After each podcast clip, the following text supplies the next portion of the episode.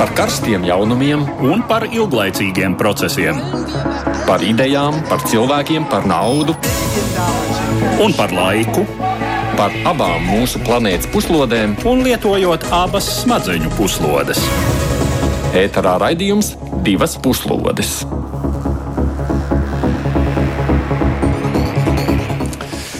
Kas mums klausās tieši ētrā, pūkstens rāda pār trījiem, kas nozīmē, ka šodien šajā laikā skan raidījums divas puslodes, kad runājam par nemierīgajiem notikumiem pasaulē. Studijās mēs aizsam Tomsons, un šodien vispirms plašāk pievērsīsimies notikumiem mūsu kaimiņu valstīs. Lietuviešu valsts pārmaiņas. Līdzinājā valdība nav izturējusi uzticības pārbaudi. Vislielāko atbalstu guvusi opozīcijā esošā Tēvzemes Savienība, Lietuvas kristīgie demokrāti. Viņiem gan ir nepieciešams arī liberālo partiju atbalsts, bet tāds arī šobrīd tiek solīts. Mēs lūkosim, vai un kādas pārmaiņas varētu būt kaimiņu politikā. Savukārt Baltkrievijā šonadēļ protesti un aresti ir plašāki nekā iepriekš. Pirmdien beidzās laiks, kur Aleksandram Lukašenko bija nospraudus trimdā izdītās tautas kustības līderis Svetlana Tikanovska. Viņa aicināja visu Baltkrieviju sākt streikot un visādi citādi izrādīt savu nepakļaušanos. Kā tad ir tie rezultāti šim aicinājumam, ko tas nozīmē turpmāk? Viss raidījums gan nebūs par kaimiņiem. Aktuālākais jautājums pasaules politikā ir, vai pārmaiņas ir gaidāmas arī ietekmīgākajā valstī, ASV. Tur nākamnedēļ notiks prezidenta vēlēšanas, bet pirms nozīmētās dienas ir nobalsojis rekordliels amerikāņu skaits. Izrādās, ka puse no tiem, kas grib balsot, to ir izdarījuši.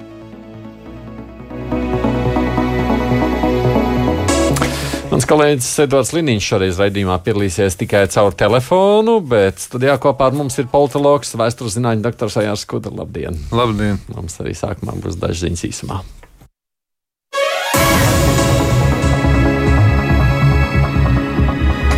Situācijā pandēmija Eiropā kļūst ar vien grūtāk kontrolējama. Lai arī cik apņēmīgi valsts politiķi bija nepieļaut vēl vienu vispārēju karantīnu, izskatās, ka no tās neizbēgt. Vismagāk klājas Francijā. Tur no piekdienas ieviesti visstingrākie ierobežojumi. Francijas prezidents ir atzīmis, ka koronavīruss izplatās ātrumā, kādu nav paredzējušas pat vispesimistiskākās prognozes. Pamest tagad māju drīkstēs tikai, lai dotos uz darbu, skolu vai pēc pārtikas un sportot. Vācijā, kur pagaidām situācija ir labāka, bažās par kaimiņu scenāriju atkārtošanos. Tur pēc no decembra tiks slēgti visi bāri, restorāni, peldbaseini, nenotiks koncerti, nekāda publiska pasākuma. Ir arī virkni citu ierobežojumu. Līdzīga situācija veidojas daudz vietā Eiropā.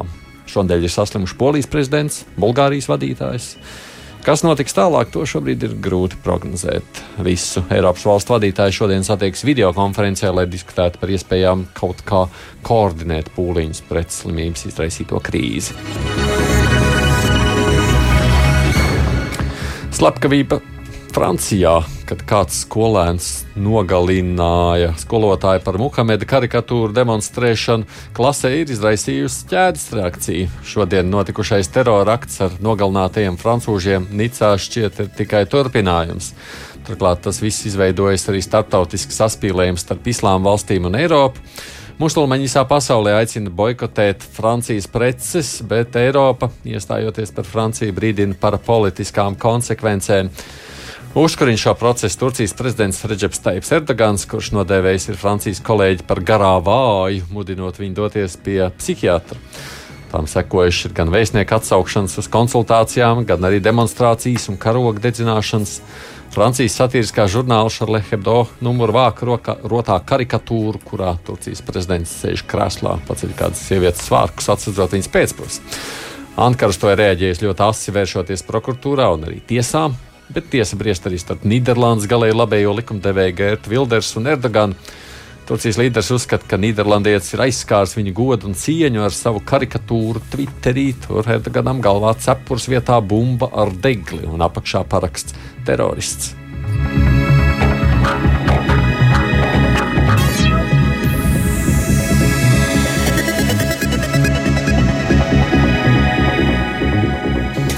Joprojām nerimst kara darbības starp Armēniju un Azerbaidžānu. Lai gan jau trīs reizes ir panākt vienošanās par uguns pārtraukšanu, tā netiek pildīta. Pamazām Azerbaidžāns brauc ar vien dziļāk Kalnu Karabahas teritorijā, kas ir lielais kara cēlonis. Šodien Karabahas armēņu spēki ir atkāpušies no strateģiski svarīgas pilsētas starp Anklāvu un Irānas robežu. To ir atzinusi pati Armēnija. Šie Azerbaidžānas panākumi var apgrūtināt diplomātisku risinājumu panākšanu. Tiek ziņots, ka Azerbaidžānas spēkiem palīdz Turcijas bruņoto spēku virsnieki un Turcijas organizēti kaujinieki no Sīrijas. Par to savas bažas pauž Krievija, kas lielā mērā ir Armēnijas sabiedrotais. Piektdien lielo valstu līderi Ženēvā plānojuši tikties ar Armēnijas un Azerbaidžānas ārlietu ministriem, cerībā rast kādu risinājumu. Pagaidām Baku noraida visus piedāvājumus, kas ļautu armēņiem saglabāt kontroli pār Kalnu Karabahu. Polija šajās dienās satricinājuši nemieru saistībā ar abortu aizliegumu valstī. Protesti ilgst jau nedēļu. Naktī uz otrdienu tie pārauga sadursmēs ar policiju. Polijas konstitucionālā tiesa pagājušo ceturtdienu paziņoja, ka saskaņā ar konstitūciju abortu veikšana embrija defekta dēļ ir nelikumīga, kas nozīmē, ka turpmāk Polija aborts nedrīkstēs veikt pat tad, ja būs zināms, ka bērns ir neglābjams slims.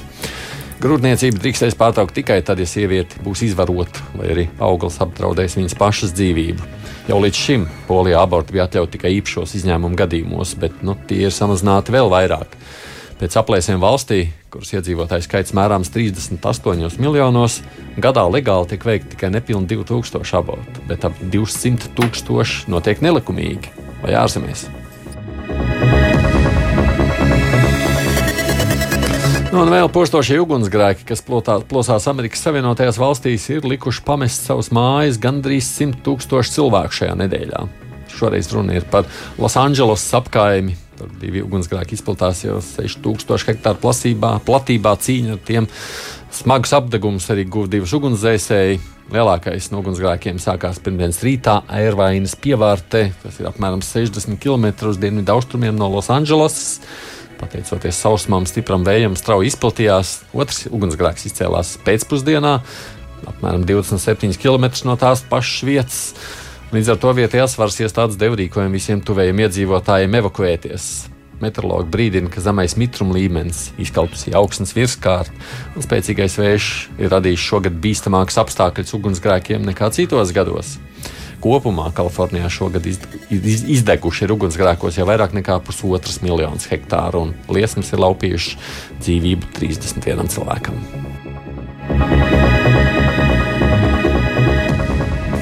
Bet tagad par sākumā minētiem tematiem plašāk mēs sākam šoreiz ar notikumiem no Lietuvas.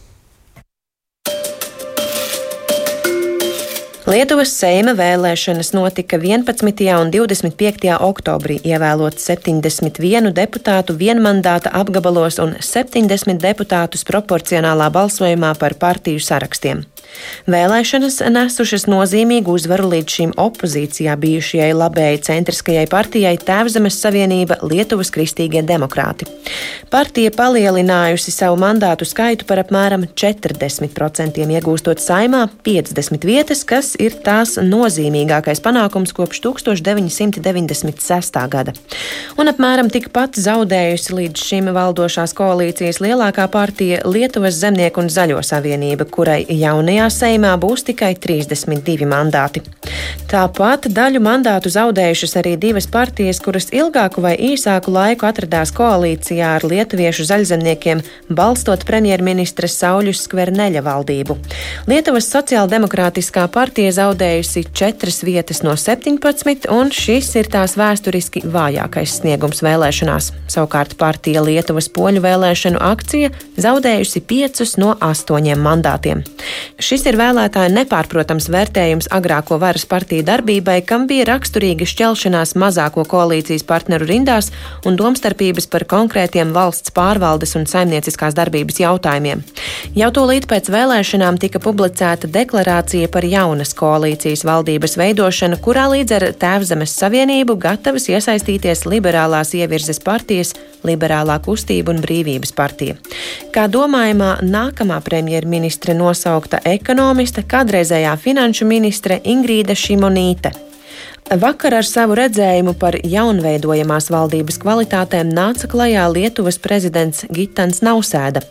Valdībai jābūt ilgtspējīgai, ar stingru politisku atbalstu un spējīgai īstenot reālas, nevis papīra reformas. Sabiedrības, nevis šauru interešu grupu aizstāvība, apņēmība tiekties pēc pārmaiņām izšķirošajās jomās, patiesas rūpes par cilvēkiem, kompetence, atbildīgums un godīgums, teica prezidents. Nu, kā jau es teicu, pie telefona tad mums ir Edvards Liniņš, kolēģis Edvards. Sveiks tev!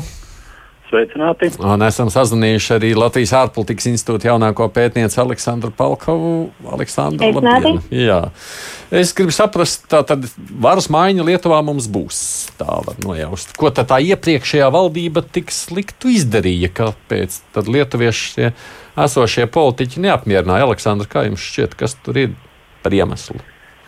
Nu, tas, kas ir skaidrs no Lietuvie, lietuviešu arī vēlētāju puses, ka principā šī tā laika pastāvošā koalīcija ir izraisījusi diezgan lielu neapmierinātību. Tas, ko mēs redzam šobrīd, ka vēlētāji ir devuši diezgan lielu priekšroku pirmkārt arī jaunākai saimai un arī jaunākajām prioritārēm. Un tas, ko var redzēt, ka vēlētājiem ir bijušas diezgan citādākas intereses. Šeit var arī minēt eh, šo pašu brīvības pastī, kur ir eh, pārstāvējuši arī vienzimumu partneru juridisko atzīšanu. Un, uh, tas liek secināt par to, ka Saima atjaunojās Lietuvas gadījumā, un principā šīs intereses mainās un novirzās vairāk uz jauno vēlētāju pusi. Un līdz ar to koalīcija, kas ir pastāvējusi iepriekš, zaudē savu mm, apmierinātību no vēlētāju puses kā tādas. Kas tad bija tie, ko, uz ko tematiem, uz kuriem politiķi fokusējās, un uz ko tad tauta fokusējās? Uh, politiķi, cik es uh, varu komentēt no savas puses, ir fokusējušies vairāk uz, um, uz uh, lietām, kas um, ir nesaistījuši tos iepriekš. Un, uh, varbūt es drīkstu lūgt uh, šī gadījumā šeit uh, mana kolēģi no otras puses uh, komentāru, ja es drīkstu. Um, jo es jūs ļoti slikti dzirdu. Es atvainojos. Jā, jā. Eduards, kā tev šķiet, kas ir tas iemesls, kāpēc tā situācija tāda vainījusies? Nu, tie iemesli jau ir diezgan uh, triviāli un saprotami. Uh, jo, nu, acīm redzot, tā iepriekšējā valdība Eh, kur eh, viena liela partija, un proti šī Zemnieku un Zaļo savienība, eh, bija kā tas nu, teiksim, mugurkauls un tas kodols, un tad piepulcināja, cik tālu tai vienai nepietika mandātu valdības veidošanai, piepulcināja mazākas partijas. Nu, arī teiksim, tas, par ko mēs arī Latvijā bieži vien runājam, ka starp partijām nav ļoti izteiktu, ļoti izteiktu ideoloģisku atšķirību, runājot tādās klasiskās labējuma, kreisuma, konservatīvisma, liberālisma kategorijās. Jo, ja mēs runājam kā par šo zemnieku un zaļo savienību, tā par tagad vēlēšanās uzvarējušo tēvzemes savienību, tie abi tiek raksturoti kā uh, centriski spēki. Nu, tie zemnieki zaļie mazliet vairāk pa kreisi, uh, Tēvzemes savienība, nu tā kā teiksim, salīdzinoši izteiktāk pa labi no centra, bet arī ietverot teiksim, centru. Un, ja reiz uh, šī uh, Tēvzemes savienība varēja, uh, lai nepiesaistītu uh, šo uh, otru lielāko partiju, proti Tēvzemes Savienību, ja, ja šie zaļie zemnieki varēja ņemt sociāldemokrātus sev par koalīcijas partneriem, nu, tad ir skaidrs, ka, nu, ka tā nav izteikti labēja partija. Ja? Tā kā varbūt, un, un runa tad ir par, par konkrētām valsts pārvaldes lietām, par uh, nu, piemēram, kā var lasīt, tad valsts mežu apsaimniekošana ir bijis viens no galvenajiem jautājumiem, kas ir trupinājis iepriekšējās valdības vienotību. Proti jau šķiet, ka 17. gadā, ja atmiņa man neviļ, eh, tad domstarpības par šo jautājumu starp šiem zemniekiem, zaļajiem un uh, viņu tobrīd koalīcijas partneri, vienīgo koalīcijas partneri Lietuvas Sociāldemokrātisko partiju, izraisīja to, ka Sociāldemokrātiskā partija no koalīcijas gāja projām, šai procesā sašķēlās uh, partijas biedru vairumam, uzskatot, ka ir jāpamet koalīcija, savukārt parlamenta frakcijai uzskatot, Eh, ka tomēr ir jāpaliek koalīcijā. Nu, tas arī ir kaut kas ļoti zīmīgs. Mm -hmm. Kad tā, tad Jā. ierindas biedri redz, ka nav labi un grib iet projām, bet politiķi, kas Seimā dara lietas konkrēti, ja, tiem joprojām koalīcija patīk. Mm. Rezultātā notika šķelšanās. Faktiski šī sociāldemokrātiskā partija sašķēlās un parādījās vēl viena maza, mm -hmm. vāja partija, uh, kas ir Uh, Lietuvas sociāldemokrātiskā darba partija. Ja? Bet, um, nu jā, un, un tas, ko jau arī kolēģi visnotaļ atzīmēja, ka um, parādās tādas nu, liberālākas tendences, šis liberālais pieprasījums, un arī, starp citu, runājot par šobrīd nosaukto premjeru kandidāti, tad uh, Viņa ir izteikusies arī ļoti konkrēti par, par vienzimumu partneru attiecībām, ka viņas prāt tās ir legalizējamas un, un atzīstamas. atzīstamas. Nu, no nu jā, arī, priekš, viņa jā. nenosoda jā. sievietes, kuras, um, kuras uh, izvēlas uh, tādu vai citādu iemeslu dēļ izdarīt abortu. Abort. Nu, ir jau tā, ka, protams, Lietuva ir baznīciskā, ka, ja es gribētu laist Aleksandru vienkārši tālāk darbos, es gribu pajautāt, Aleksandra, kā jums šķiet, tad būs kaut kādas nu, pārmaiņas vērojams Lietuvas politikā? Manuprāt, jā, un visnotaļ. Es teiktu, ka tas, ko mēs redzēsim, būs arī aktīvāka ārpolitika, ja mēs skatāmies no tieši koalīcijas viedokļa. Un šeit es runāju arī par šo pašu Baltkrievijas jautājumu, kas būs noteikti tas, ka Lietuva stāsies un atbalstīs opozīciju. Tāpat, manuprāt, noteikti tas, ko ir izcēlusi Lietuva no savas puses, būs vērojams diezgan liela tuvināšanās Eiropas Savienības valstīm un to kodolam. Šeit var arī izcelt Vāciju. Un, principā, tas, kas būs vērojams šā brīža ārpolitiskas jautājumos, ka noteikti tas būs pro-rietumnieciskā nostāja un uh, tuvināšanās arī Ziemeļvalstīm, tai pašai arī Polijai un arī viennozīmīgi transatlantiskajām saitēm. Bet, manuprāt, būtu arī interesanti minēt, ka ņemot vērā šā brīža Covid situāciju, tad uh, iespējams, ka koalīcija fokusēsies arī tuvāk uz pašu šo iekšpolitiskajiem jautājumiem. Un, kā jau arī kolēģis iepriekš diezgan labi parādīja, ka um, iekšpolitiski šobrīd ir arī daudz jautājumu, kas ir jārisina. Un varbūt Covid situāciju var izmantot tieši šī iemesla dēļ. Mm. Paldies, Aleksandra. Aleksandra Palko, kas ir ārpolitikas institūta jaunākā pētniece, Sajārs Skudra, uh, klausās, ko mēs šeit runājam. Ko jūs domājat par visu šo procesu, kas noticis tagad Lietuvā? Uh, es varbūt pievērsīšos dažiem citiem aspektiem, uh, nosaukšu viņus, un tad varbūt pievēršamies vai, mazliet vairāk, varbūt nē. Tā tad uh, man atzīmēšanas vērti liekas sekojoši faktori. Pirmkārt, ļoti zemā vēlētāju līdzdalība vēlēšanās. Uh, it īpaši vēlēšanu otrajā kārtā, balsojot par vienmandātu, vienmandātu apgabalos. Cik tā ir zema? Tā, tad, uh, tā ir teiksim, tā rekordzema, man ir aizdomas. Uh, tā tad, mm, balsojot par partiju sarakstiem, kur sadalīja 70 mandātus no 141. Tā tad nobalsoja 47,80% balstiesīgo. Tātad nu, mazāk mums jau, arī nav, pusi. mums jau arī nav parasti ļoti daudz ap pusi pāri. Uh, nu, bet tomēr, tā teikt, šajā gadījumā mums ir jārunā par mazākuma vēlētāju, mazākumu ievēlētu parlamentu. Nu, jā tas parlaments kopumā, kas attiecas uz vienmandātu apgabaliem, pirmajā kārtā, kad eh, no 71 ievēlēja tikai 4, piedalījās 47,54%. Nobalsoja otrajā kārtā, kad sadalīja 68 mandātus, nobalsoja 38,96% no visiem vēlētājiem. Nu, piedodiet. Tā tad tas nozīmē, ka mm, Lietuvas demokrātijai ir problēmas. Kas norāda uz to, ka Lietuvas demokrātijai ir problēmas? Tas, ka no uh, 17 uh, sarakstiem, kas piedalījās vēlēšanās, nu, neatkarīgos nevar skaitīt, tur var sekot, viņi bija daudz, uh, četrus ievēlēja, bet 17 partiju saraksti. No tiem 17 partiju sarakstiem septiņi ir jauni kas nepiedalījās iepriekšējās vēlēšanās. Tātad no tiem jaunajiem trīs e, ir pārstāvēti jaunajā parlamentā.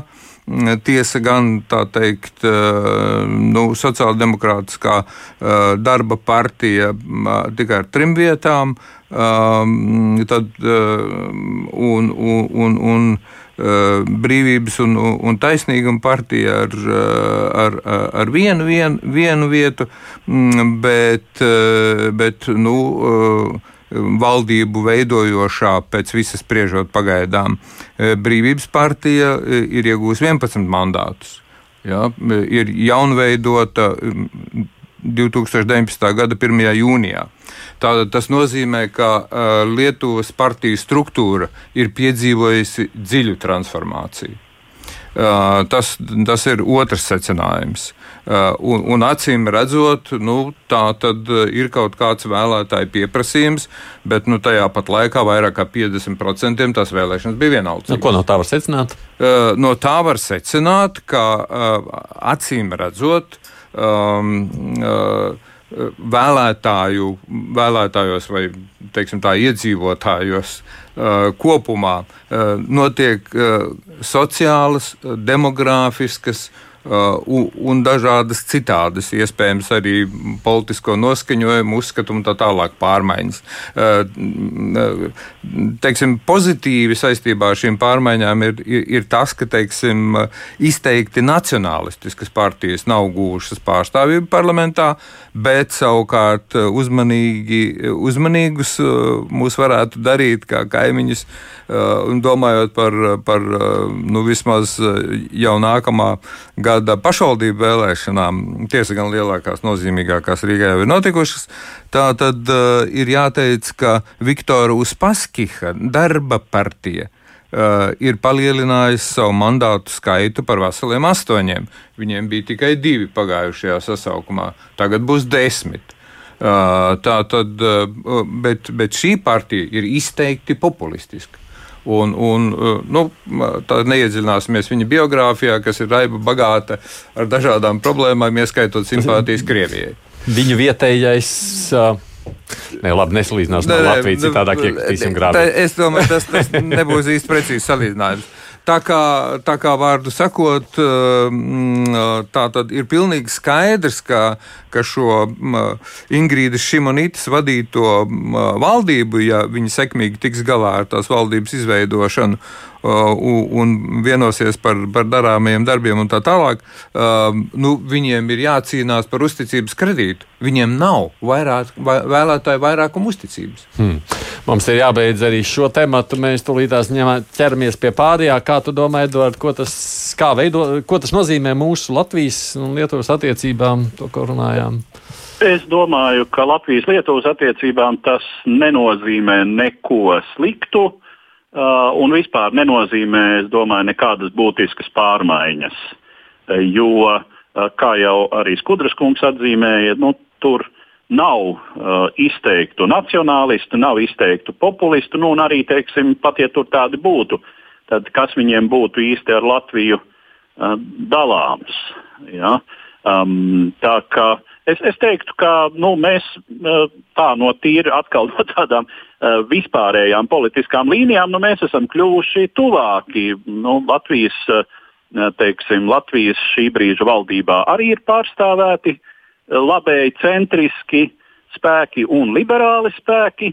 Nu, tagad uh, Lietuvas valdībā droši vien, ja šī valdība tiks izveidot, būs uh, partijas, kas Eiropas parlamentā ir Tautas partija, taut, Eiropas Tautas partijas blokā un Eiropas uh, Renew Europe, uh, atja, atjaunotās Eiropas un tātad liberālo partiju blokā, nu, kurš ir arī pārstāvi no šobrīd Latvijas varas partijām. Mm -hmm. nu, Aleksandra jau te pieminēja, ka, saka, ka varbūt attiecībā pret Baltkrievijas opozīciju tā varētu būt vēl vairāk nu, Jā, izteikti, atvērta. Izteikti, un, un, Jā. un, un topošās premjerministres arī izteikumi uh, par uh, drošības un aizsardzības spēju stiprināšanu kā vienu no viņas prioritātēm. Uh, tie arī jau ir izskanējuši. Labi, par Baltkrieviju turpinām.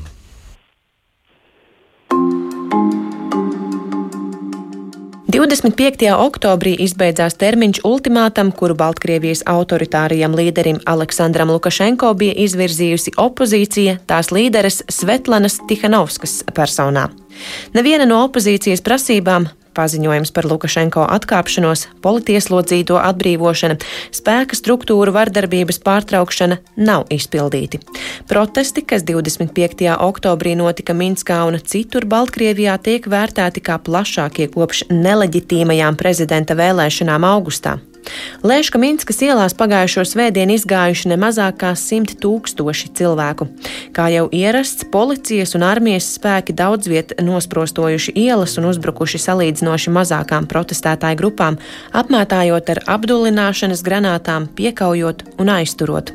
Iekšlietu ministrija paziņojusi, ka šai dienā Baltkrievijā aizturēti pavisam 523 cilvēki, no kuriem 352 paturēti apcietinājumā. Nākamajā dienā 26. oktobrī sākās opozīcijas izsludinātais vispār nacionālais streiks. Tā geogrāfijā tiek minēti lielie valsts uzņēmumi, tādi kā Grodno Azot, Minskas riteņvilcēju rūpnīca, Minskas autorūpnīca, leduskapju ražotājs Atlant un citi. Tomēr streikojošo tajos ir daži desmiti, vietumis vairāk par simtu. Diezgan masveidīgi streikos iesaistījušies augstskolu studenti, rīkojot protesta akcijas mācību iestādēs un izējot ielās. Atbalsta akcijas izvērtuši arī privātu uzņēmumi, slēdzoties inventarizācijai, remontiem un tam līdzīgi. Uzņēmumu vadība draudz streikojošajiem ar atlīdzības samazināšanu un atlaišanu. Daži aktīvisti jau atbrīvoti no darba. Tāpat sākusies studentu atskaitīšana no augstskolām vai caurlaižu anulēšana, liedzot iekļuvi mācību iestādēs. Vakar viens no opozīcijas līderiem, bijušais ministrs un vēstnieks Pāvels Latuško, kurš šobrīd uzturas Polijā, nāca klajā ar paziņojumu par jaunas organizatoriskās struktūras tautas antikrīzes pārvaldes nodibināšanu. Kā paudis Latuško, šī struktūra gatava nākt talkā Svetlanas Tihanovskas štābam un opozīcijas koordinācijas padomei ar jaunu plānu krīzes strupceļa pārvarēšanai.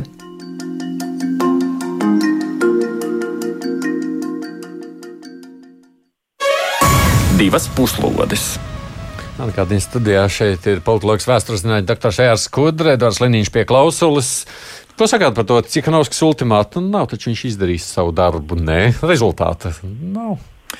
Uh, nu, es domāju, tā, ka mm, mums ir jāvērtē šis ultimāts no divām pusēm. No vienas puses, uh, tas ir teiksim, kā ceļa karte opozīcijas spēkiem un opozicionāri noskaņotajiem. Uh, No otras puses, tā ir, tas ultimāts jau bija saistīts ar konkrētām prasībām, trīs konkrētām prasībām Lukašenko. Tad atkāpties, atbrīvot politi, politi, politi, politieslodzītos un un, un pārtraukt jebkādas represijas. Tā tad. Mm, nu, uh, kas attiecās uz to, nu, izdevies, neizdevies tas ultimāts, tā tad es domāju, ka mm, opozīcijas spēku koordinācijas padoma un arī pati Tihanovska necerēja un negaidīja, ka Lukašenko atkāpsies. Nu, Tas būtu vienkārši naivi. Un, protams, ka viņai tādu cerību nebija. Tāpēc ir jautājums, protams, vai viņi jau ir sagatavojušies un ir gatavi turpināt izdarīt spiedienu uz Lukašenko režīmu pēc tam, kad šie, šis vispār nacionālais streiks nenotika, notika sporādiski, ko apgrūtināja arī tas, ka 70% Baltkrievijas ekonomikas kontrolē valsts sektors.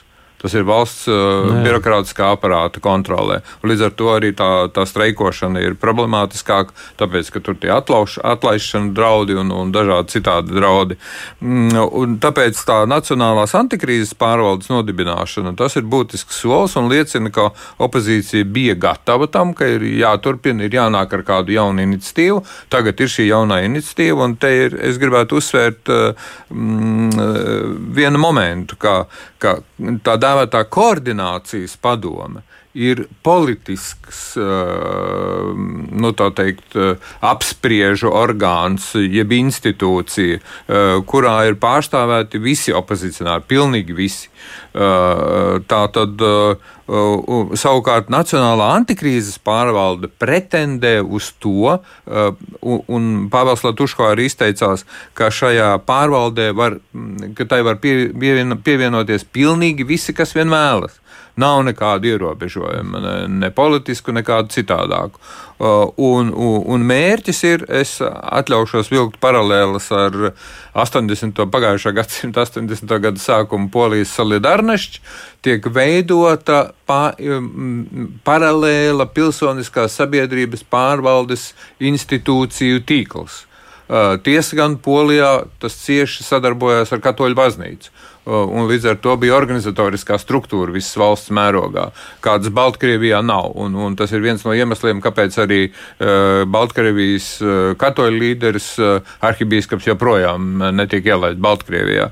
Tā kā, var sakot, uh, tagad, protams, ir jautājums. Uh, Un es uzskatu, ka visas tās atlaišanas, ko Lukašenko režīms ir sācis, viņas tikai stimulē opozīcijas spēku darbības un aktivitātes, ieskaitot studentu atskaitīšanu un tā tālāk un joprojām. Tas viss ir, nu, man jāsaka, protams, tā kā es simpatizēju opozīcijai, tas, protams, nāk par labu opozīcijai un palīdz to mobilizēt. Tas ir stulbs, idiotisks, stūridzīgs solis. Es atvainojos par rupjiem vārdiem. Tā tad, bet no otras otras puses ir jāatzīmē divas citas lietas, lai, lai uh, nešķistu, ka, ka mums ir darīšana tikai ar pozīciju un opozīciju. Tad 27. oktobrī, tad šonadēļ, Baltkrievijas un Krievijas aizsardzības ministrijas vienojās par 2021. gada uh, manevriem Zapad uh, 2021. Uh, līdzīgi tā, tiem manevriem, kas Baltkrievijas teritorijā jau ir notikuši. Uh, tā tad, uh, un toreiz, kā zināms, uh, Baltkrievijas un Krievijas spēki karoja ar trim iedomātajām republikām, kuras neskapēc atradās Baltkrievijas teritorijā teritorijas ziemeļrietumos. Tā tad um, tas ir viens aspekts, eh, kas liecina par to, ka mm, līdzās, jāmin līdzās faktam, ka Tihanovska Baltkrievijā un Krievijā ir izsludināta starptautiskā meklēšanā. Jā, kā, kā krimināla noziedzniece. Un to ir izdarījis arī Kremlis, arī Putins. Tā tad um, tas uh, no vienas puses, un no otras puses uh, politehnologs Vitālijs Škļarovs ir laimīgi nonācis Amerikas Savienotās valstīs, kuru pilsonis viņš arī ir. Tā tad, bet nu, viņa biogrāfija ir ļoti bagāta. Viņš ir darbojies, palīdzējis dažādiem politiskiem spēkiem, postpadomu telpā ļoti, plašās, ļoti plašā reģionā, ieskaitot Baltkrieviju. Tātad, bet pēc mm, Maikla Pompeo valsts sekretāra sarunas ar Lukašenko personīgi Škļarovs tika atbrīvots. Uh, un laimīgi ir nokļuvis uh, atpakaļ pie ģimenes, kas pēc vispriežot dzīvo Ukrajinā, uh, un tagad ir jau Amerikas Savienotajās valstīs. Viņš ir ASV pilsonis. Tā tad te jāatgādina, ka šā gada aprīlī ASV ar Lukašenko režīmu vienojās par to, ka Minskā ieradīsies ASV vēstnieks, kas tur nebija kopš 2008. gada. Nu, eh, vai tas notiks vai nenotiks, to mēs acīm redzot varēsim spriest pēc prezidenta vēlēšanām ASV, bet, bet tāda vienošanās principā bija. Tiesa gan tas bija, protams, ilgi pirms uh, tiem procesiem, kas Baltkrievijā notiek pat labi. Edvards, ko tu saki par visu šo? Es teiktu, ka arī simpatizējot, protams, Baltkrievijas opozīcijai, eh, mēs eh, zināmā mērā varam runāt, eh, atcerēties mūsu pašu dzinieka Raņa 5. gada revolūcijas kontekstā šo dzējoļu krājuma nosaukumu un zināmā mērā lozungu vētras sēja, ka šobrīd jau nu, pat ievērojot, ka cerības ar šādiem līdzekļiem tomēr dabūt Lukašenko prom no, prom no amata, prom no varas, ir nu, joprojām visai, visai miglainas, es teiktu tā. Tad katra diena, kur notiek šie protesti, tas, ka šie protesti ir tik ilgi, joprojām tik masveidīgi un joprojām ir atsaukšanās uz šo opozīcijas centru aicinājumu, tas veido nu, teiksim, nācijas politisko atmiņu, tas veido sabiedrības pašapziņu pretstāvēšai autoritārijai varai, un, kas jau ir daudzkārt teikts, tas tiek iesēta šī pretestības sēkla, kura agri vai vēlu dos augļus. Jā, Bet kā tu šķiet, tu pats domāji, ka būs to streikotāju vairāk vai to protestu no to, kas? Uh, nu, nē, es nedomāju, ka viņu būs vairāk nekā iepriekšējā reizē, kad šie streiki jau notika. Nu, ir apmēram tikpat, varbūt mazliet vairāk, varbūt citur atkal mazliet mazāk, bet nu, nē, es arī neprognozēju pats sev, ka, ka nu, veselas rūpnīcas apstāsies, jo, kā jau Skudras kungs arī atzīmēja, tie ir valsts kontrolēti uzņēmumi, Uh, viss liecina par to, ka šo uzņēmumu administrācijas strādā arī pietiekami ciešā sazobē ar spēka struktūrām. Teiksim, viens gadījums neatceros tagad uz sitienu, kurā rūpnīcā, bet kad streik, uz streikiem mudinošs aktīvists tiek atlaists un viņš, kamēr viņš kravā savas mantas, uh, uh, viņš strādāja šķiet par inženieri, nu tā tad savāc savas privātās lietas, jau ir klāta uh, jau ir klāta. KGB komanda, kura viņu arestē un aizved uz ieslodzījumu vietu. Ja? Nu, tā, tad, ir, tā ir situācija, kādu mēs Latvijā, demokrātiskā sabiedrībā jau uh, lielākā daļa no mums nav pieredzējusi, runājot par sabiedrību kopumā. Uh, vai ir jau aizmirsusi laimīgi. Ja? Bet pabeidzot šo sadaļu, ir tā, ka mēs attiecībā uz Baltkrieviju vienkārši gaidām, kad un kā tur mainīsies. Maiņa būs neizbēgama. Tā. Nu, nekā uh, daudz konkrētāk. Nu, nu, tiek sniegts atbalsts uh, šai opozīcijai, tā kā teiksim, tradicionāli rietumi ir snieguši atbalstu opozicionāriem arī runājot par padomu laikiem, par padomu totalitārismu periodu, par augsto karu. Uh, protams, patvērums, uh, protams, uh, Krievija tur var izsludināt Tihanovsku kaut kādā meklēšanā, Interpolu neviens tam nepieslēgs. Ja? Un atbalsts, tikšanās, droši vien arī zināms materiāls atbalsts, iespējams, iespējams ka parādīsies vairāk radioraidījumu no tās pašas Lietuvas, Polijas, varbūt arī Latvijas teritorijas uz Baltkrieviju, Baltkrievu valodā. Un, nu, tādas atbalsta akcijas. Ja? Šobrīd nav, nav domājams, ka teiksim, kāds varētu sūtīt uz Lietuvu, piemēram, kādus Balt... ieročus. Ja? Un ne, neviens, tā, tas ir uz, uz Baltkrieviju, un neviens Baltkrievijas opozicionārs neko tādu arī uh, nevarētu iedomāties prasīt. Nu, nē. nē, jautājums ir tikai par to laiku. Protesti, Jā. tie ir izteikti nevardarbīgi protesti, un šajā ziņā arī mūsu savulaik pieredze atmodas laikā nevardarbīgo protestu pieredze ir, eh, es domāju, zināms paraugs tam, kas šobrīd notiek Baltkrievijā. Tas kungs vēl grib piebeigt. Jā, es, es gribēju piebilst to, ka, ka teiksim, tie Baltkrievu politologi, kas ir teiksim, tā sistēma neitrāli um, un, un cenšas uh, objektīvi mēģināt analizēt it kā no neitrālām pozīcijām notiekošo Baltkrievijā, Viņi prognozē un, un uzskata, ka rietumos dominē šis priekšstats runa par Ziemeļameriku un Eiropas Savienību. Par to, ka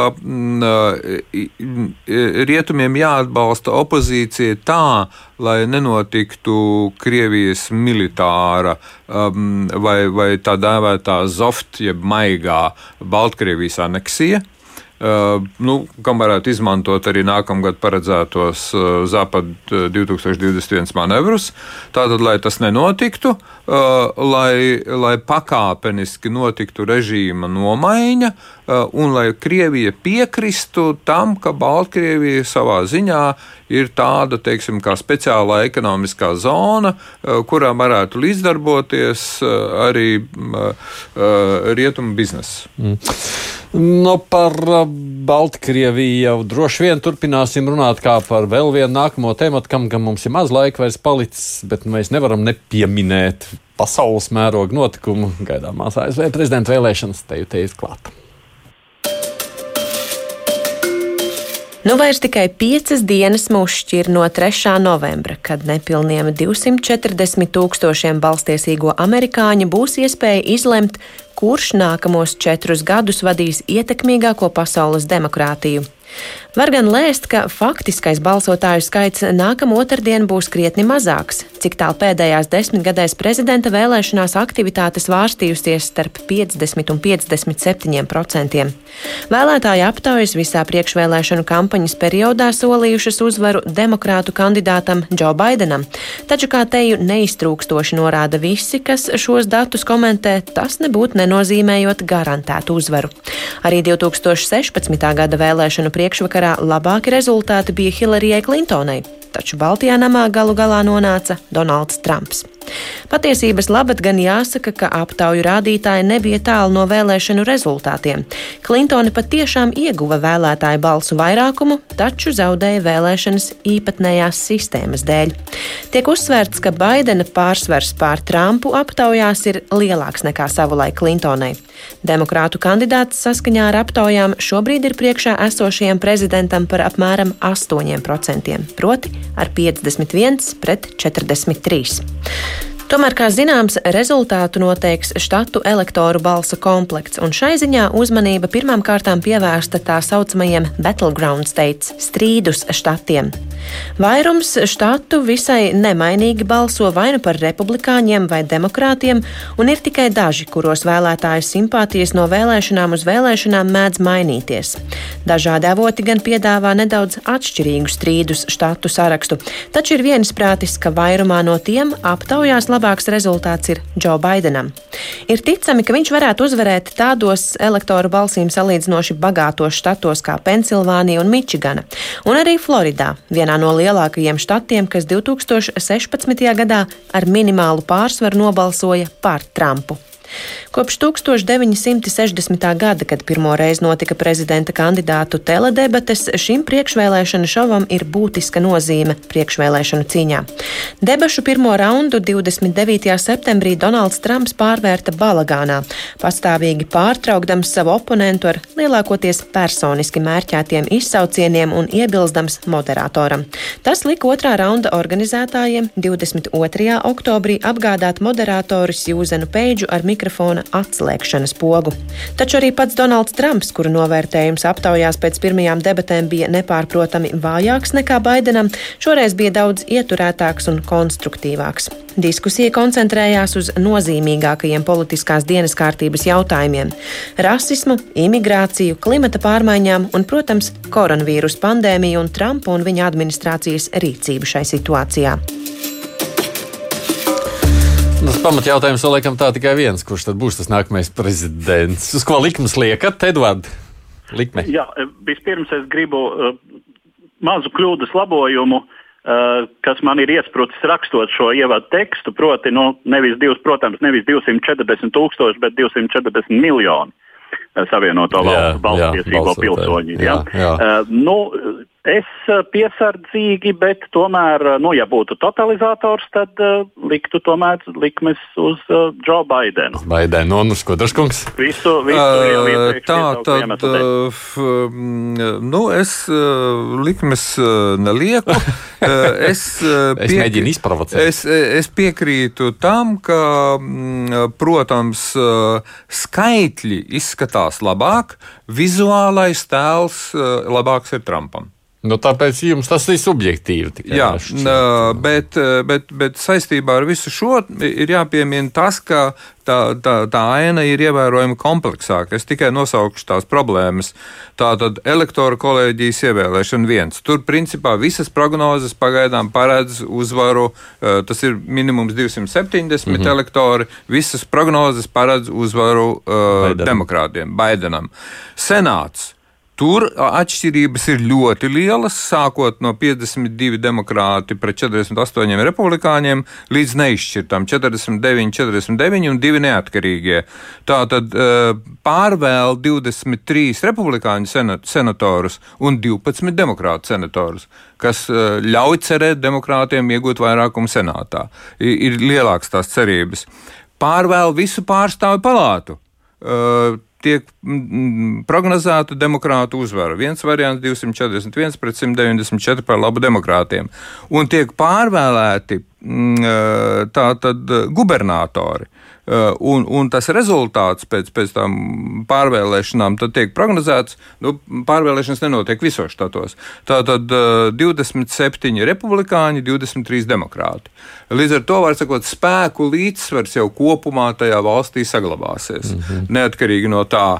Un tad uh, ar steigu vēl beigās gribu pieminēt, tā tad ir tā dēvētais murgu scenārijs murgu scenārijs, kas ir paredzēts ASV konstitūcijā. Tas, ir, tas iestājas tajā brīdī, kad uh, elektori uh, Trumpam un Baidenam, Baidenam ir vienādā skaitā 269. 269. Uh, un, un konstitūcija paredz, ka tādā gadījumā prezidentu ievēl pārstāvju palāta un viceprezidentu ievēl senāts. Senatoriem katram ir viena balss. Un, un skaidrs, kā saka, ja demokrāti vinnēs, tad viceprezidents demokrāti. Bet, kas attiecas uz prezidentu, tā lieta ir sarežģītāka.